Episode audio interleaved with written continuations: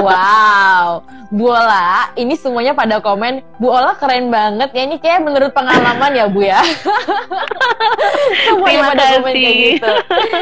Ya, yes, emang setuju banget sih. Bu kadang-kadang saat, saat ini remaja-remaja uh, salah mengartikan apa sih pacaran itu. Aku setuju sama mm -hmm. Ibu yang tadi Ibu bilang bahwa memang pacaran adalah fase untuk mengenal satu sama lain, bukan yes. untuk merusak satu sama lain. Karena Betul. Bu kalau kita ngomong soal pacaran, tadi kan Ibu bilang Ibu sudah menjelaskan tentang pacaran sehat. Tapi sekarang hmm. yang terjadi banyak juga nih teman-teman yang ngalamin pacaran gak sehat. Mungkin kalau menurut yeah. aku sendiri ya Bu, pacaran gak sehat hmm. itu contohnya kayak udah hmm. mulai ngelakuin seks beresiko hmm. atau mungkin kita ditoksikin kayak gitu. Atau Ibu ada contoh lain gak sih yang menurut Ibu, oh ini udah gak sehat nih pacarannya nih? Oke, okay. sebetulnya hmm, banyak ya tanda-tanda bahwa pacaran itu sudah tidak sehat ya. Pertama gini, sebenarnya menurut saya gitu ya, pacaran menjadi tidak sehat kita harus kenali diri kita dulu nih, gitu kan. Hmm. Maksudnya masing-masing dari kita itu pasti punya katakanlah hmm, stimulus-stimulus, stresor-stresor yang bisa berdampak kepada stres, gitu. Hmm. Nah, banyak kondisi, saya punya banyak klien, sebenarnya mereka pacarannya baik-baik aja. Tetapi ketika salah satu pasangan gitu ya, merasa mereka punya stres dan mereka tidak bisa mengatasinya, mereka jadi melimpahkan ke pasangannya sehingga pasangannya juga merasa tertekan gitu. Kenapa sih dia seperti itu? Ya katakanlah menjadi mudah marah gitu kan. Kemudian katakanlah dia yelling at me gitu kan. Saya nggak tahu apa yang hmm. terjadi sama dia. Sebetulnya kita harus kenali dulu nih, ketika pacaran kita tidak sehat, ini datangnya dari mana sih sebetulnya gitu loh ketika misalnya awalnya baik-baik aja Nah, hmm. kalau kita bilang pacaran kita tidak sehat, itu kan nggak mungkin tidak sehat dari awal kan, gitu. Betul. Nah, jadi kan sebenarnya awalnya baik-baik aja. Ada apa ini? Apakah ada stres yang dialami pasangan? Apakah ada perubahan dalam kondisi keluarga dari masing-masing pasangan? Apakah ada yang membebaninya sehingga gitu ya dia tidak bisa punya coping problem yang baik sehingga bawaannya marah mulu kan begitu ya. Kita pahami dulu nih gitu sumbernya dari mana gitu. Nah, kemudian biasanya di situ juga uh, kita melihat komunikasi menjadi tidak lancar pastinya Nah, kemudian kadang-kadang kita juga bisa melihat gitu ya, uh, pacaran yang tidak sehat itu adalah ketika misalnya mulai merasa apa? tertekan gitu. Katakanlah kita mencoba untuk selalu hanya memenuhi kebutuhan pasangan gitu karena dia sukanya marah-marah gitu kan ya udah deh aku mendulukan apa yang dia butuhkan dibandingkan kebutuhan hmm. aku ini nggak sehat hmm. loh ya sekali dua really? kali oke okay ya really tapi terus terusan akhirnya kita menjadi gimana kita menjadi tertekan pastinya gitu hmm. jadi hmm, itu ada perasaan tertekan. So kalau kamu merasa hmm. tertekan, itu adalah tanda-tanda tidak sehat ya kan? Kenapa kamu harus merasa tertekan kepada orang yang kamu sayang kan begitu? Pasti ada sesuatu kan? Nah terus habis itu kadang-kadang juga jadi merasa takut gitu ya beropini gitu kan? Padahal sebetulnya bagus kan opini itu ya saling melengkapi. Tapi jadi takut ah nanti dia marah lagi. Kalau dia marah, hmm. oh nanti sebentar bilangnya aku putusin kamu ya segala macam takut. Jadi ada emosi-emosi yang kita rasakan gitu ya entah tertekan, entah takut, entah jadi cemas, bahkan juga jadi kayak merasa nggak nyaman saat bertemu, kan begitu. Nah, hmm. semua emosi-emosi negatif yang dirasakan gitu ya pada saat kamu berhubungan dengan dia gitu, kayaknya perlu menjadi tanda-tanda signal ada apa sih sebenarnya gitu. Apakah ini sudah tidak sehat gitu kan ya? Nah itu perlu untuk dikenali terlebih dahulu. Oke, okay, it's okay to be not okay. List aja dulu perasaan-perasaan kamu drama Korea ya bu? Yes, kayak drama Korea. Tapi saya setuju dengan semua yang ada di situ. Bahwa kita memberikan diri kita itu ruang ya, ruang untuk yang oke okay, setelah pulang dari ketemu dia kita introspeksi, self evaluation. Am I feel okay today? Am I happy to meet him today? Gitu kan? Um, itu perlu sekali gitu ya, bahwa kondisi kesehatan psikologis kita juga perlu diperhatikan bukan hanya kondisi kesehatan psikologis pasangan yang akan malah hmm. kita jadi tertekan karenanya gitu ya. Ya iya kalau kita punya kemampuan coping yang bagus. Bagaimana hmm. kalau kita sendiri tidak punya kemampuan coping yang bagus? gitu. Kan itu berarti juga kita melakukan self destruktif bukan? Kita jadi kayak menyakiti Betul. diri kita sendiri. Seperti itu. Itu juga tanda-tanda yang nggak sehat. Terus juga katakanlah jadi merasa ini juga kita jadi tidak nyaman di keluarga kita gitu. Sebagai contoh dia posesif banget ya kan? Maunya hmm. satu kali 24 jam kamu sama aku. Nah tapi orang di rumah minta adalah yuk temenin mama yuk kita jadi kayak takut gitu ya gimana ini aduh gimana ini.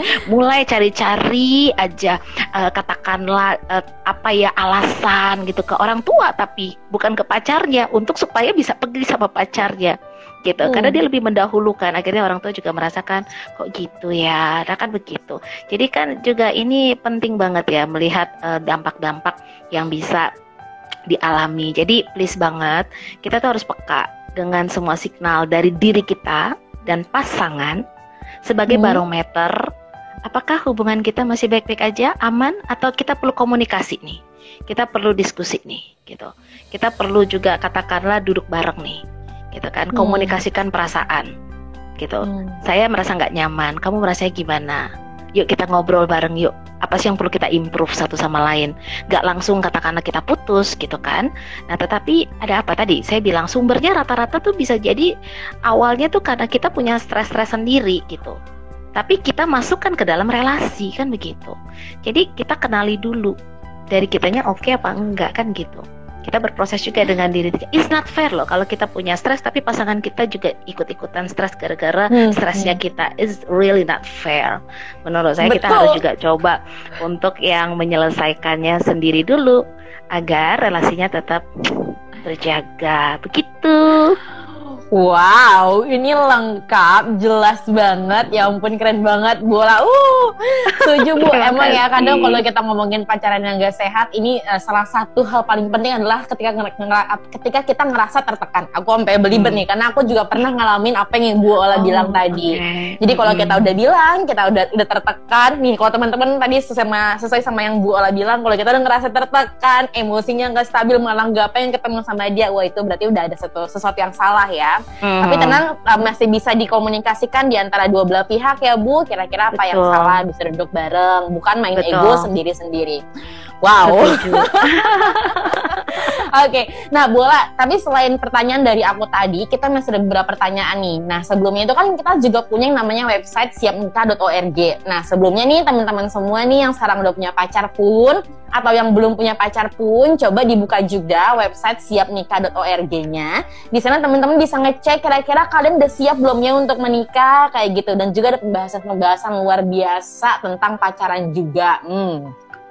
Tapi selain itu Bu Ola, kita juga udah kedatangan dua pertanyaan dari rubik tanya okay. jawab kita. Ini dari okay. inisial TA di website kita siapnikah.org. Teman-teman juga bisa jadiin pembelajaran nih pertanyaan ini. Uh, Kala izin bertanya, saya punya yeah. pacar udah dua tahun, tapi suka genit gitu ke cewek lain, suka ngechat beberapa cewek lain. Dulu juga pernah nembak cewek lain padahal udah sama saya, katanya janji akan berubah, tapi saya masih ragu. Bahkan dia juga janji sampai sumpah-sumpah gitu, berani aku mati katanya gitu. Tapi dia baik banget uh, kalau sebenarnya sering ngasih barang-barang, selalu ada seketika aku marah, kemudian tapi masalahnya diulang-ulang lagi nih kesalahan kayak gitu.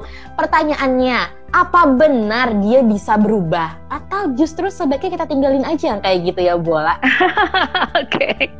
wow ya ini menarik sekali ya. Jadi gini, hmm, kita bicara cowok yang genit gitu kan ya, yang ibaratnya hmm. udah punya pacar, tapi dia masih aja gitu ya, mencoba untuk lihat sana lihat sini, kurang lebih begitu ya. Dan pastilah kita sebagai perempuan gak nyaman kan gitu ya. Kok kita Betul. merasa kayaknya kita kurang apa sih gitu kan? Kok kamu masih lirik sana lirik sini, terus kamu minta maaf ke saya, saya juga merasa oke okay lah saya maafkan, tapi berulang baik.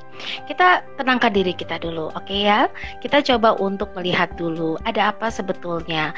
Misalnya, apakah memang kualitas kalian untuk katakanlah berkomunikasi ataupun bertemu itu kurang atau bagaimana? Kan begitu. Setiap orang itu punya kebutuhan yang kadang-kadang bisa jadi dia itu bisa saja kita harus kenali punya aktivitas apa aja sih jangan-jangan di aktivitasnya nggak banyak. Makanya hmm. waktu luangnya dia itu dia gunakan untuk yang seperti itu dan pada saat itu mungkin kita juga nggak available. Kita hmm. sibuk, gitu kan? Kita sibuk gitu loh. Dan sehingga kadang-kadang mereka ya seperti itu punya media sosial, lihat-lihat DM segala macam kan gitu. Ternyata kalau ditanya kenapa iseng, hah iseng? Hmm kamu ngapain? Nggak tahu apa yang aku lakukan nggak ada yang aku kerjain kan gitu.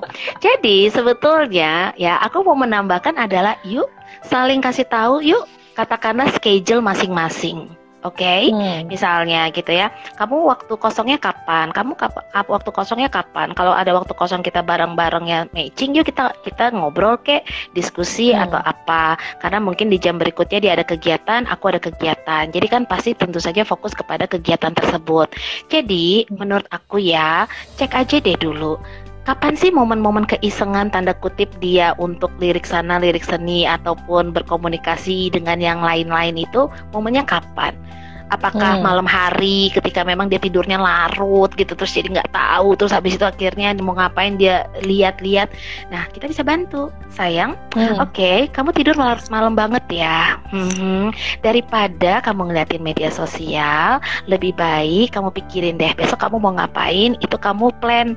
Apalagi misalnya kan kita udah mau serius plan ke depannya apa hmm. itu kan bisa kamu kerjakan. Dibandingkan tidak ada yang kamu lakukan akhirnya kamu pikirannya ke mana-mana kan gitu. Segala satu bisa dikomunikasikan tapi kita tahu dulu kebutuhan hmm. dia apa gitu.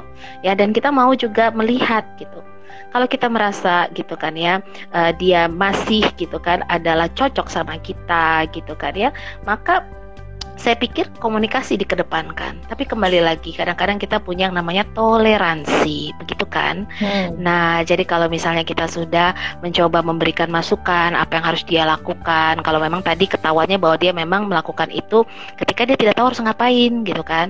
Waktu kosongnya banyak, gitu, dan kita nggak available pada saat itu juga, gitu kan? Nah, kita udah kasih saran, baiknya gini-gini, kita lah sendiri yang memutuskan kira-kira gitu ya. Niat baiknya dia itu adakah gitu loh pada kita ya. Jangan sampai juga kita terlalu katakanlah e, memberikan toleransi tetapi ternyata itu merupakan suatu trait gitu loh bagian dari personality dia yang tidak bisa berubah kan begitu. Hmm. apalagi dia tidak bisa learn from mistake kan begitu Nah, justru hmm. kan orang belajar ketika melakukan kesalahan, ketika dia sudah belajar gitu kan seharusnya kan dia bisa naik level kan gitu ya. Hmm. Nah, ini hmm. mungkin perlu untuk dikomunikasikan dulu. Menurut saya sih seperti itu ya. Oke, okay, setuju. Oke, okay, ini aku aku setuju banget. Jadi emang semuanya kembali ke komunikasi ya. Mungkin cowok-cowok di luar hmm. sana, termasuk dulu mantan-mantan aku ya, oh. ngelakuin okay. ini. Atau mungkin mantan teman-teman ngelakuin ini nih ketika genit ke sana sini karena emang ada waktu luang yang nggak bisa diakomodir yeah. juga sama pasangannya ya. Yes. Jadi teman-teman silakan aja komunikasikan terlebih dahulu. Cuman ya kalau udah diulang-ulang nih, yeah. udah iya. dikomunikasi, kan udah diulang-ulang ya pikir-pikir lagi deh gitu ya, boleh ya. Betul, betul sekali. Kenapa? Okay. Sekali lagi loh, pacaran yang sehat itu adalah yang tidak membuat kondisi fisik dan psikis kita terganggu. Ya kan? Hmm, Jadi kalau misalnya point. kita memberikan toleransi, berarti kita masih bisa berdamai dengan diri kita juga atas perilaku pacar. Tetapi kalau kita pun sudah merasa sangat terganggu, hmm, kayaknya hmm. perlu tuh pemikiran hmm. yang lebih jauh tentang itu. Setuju.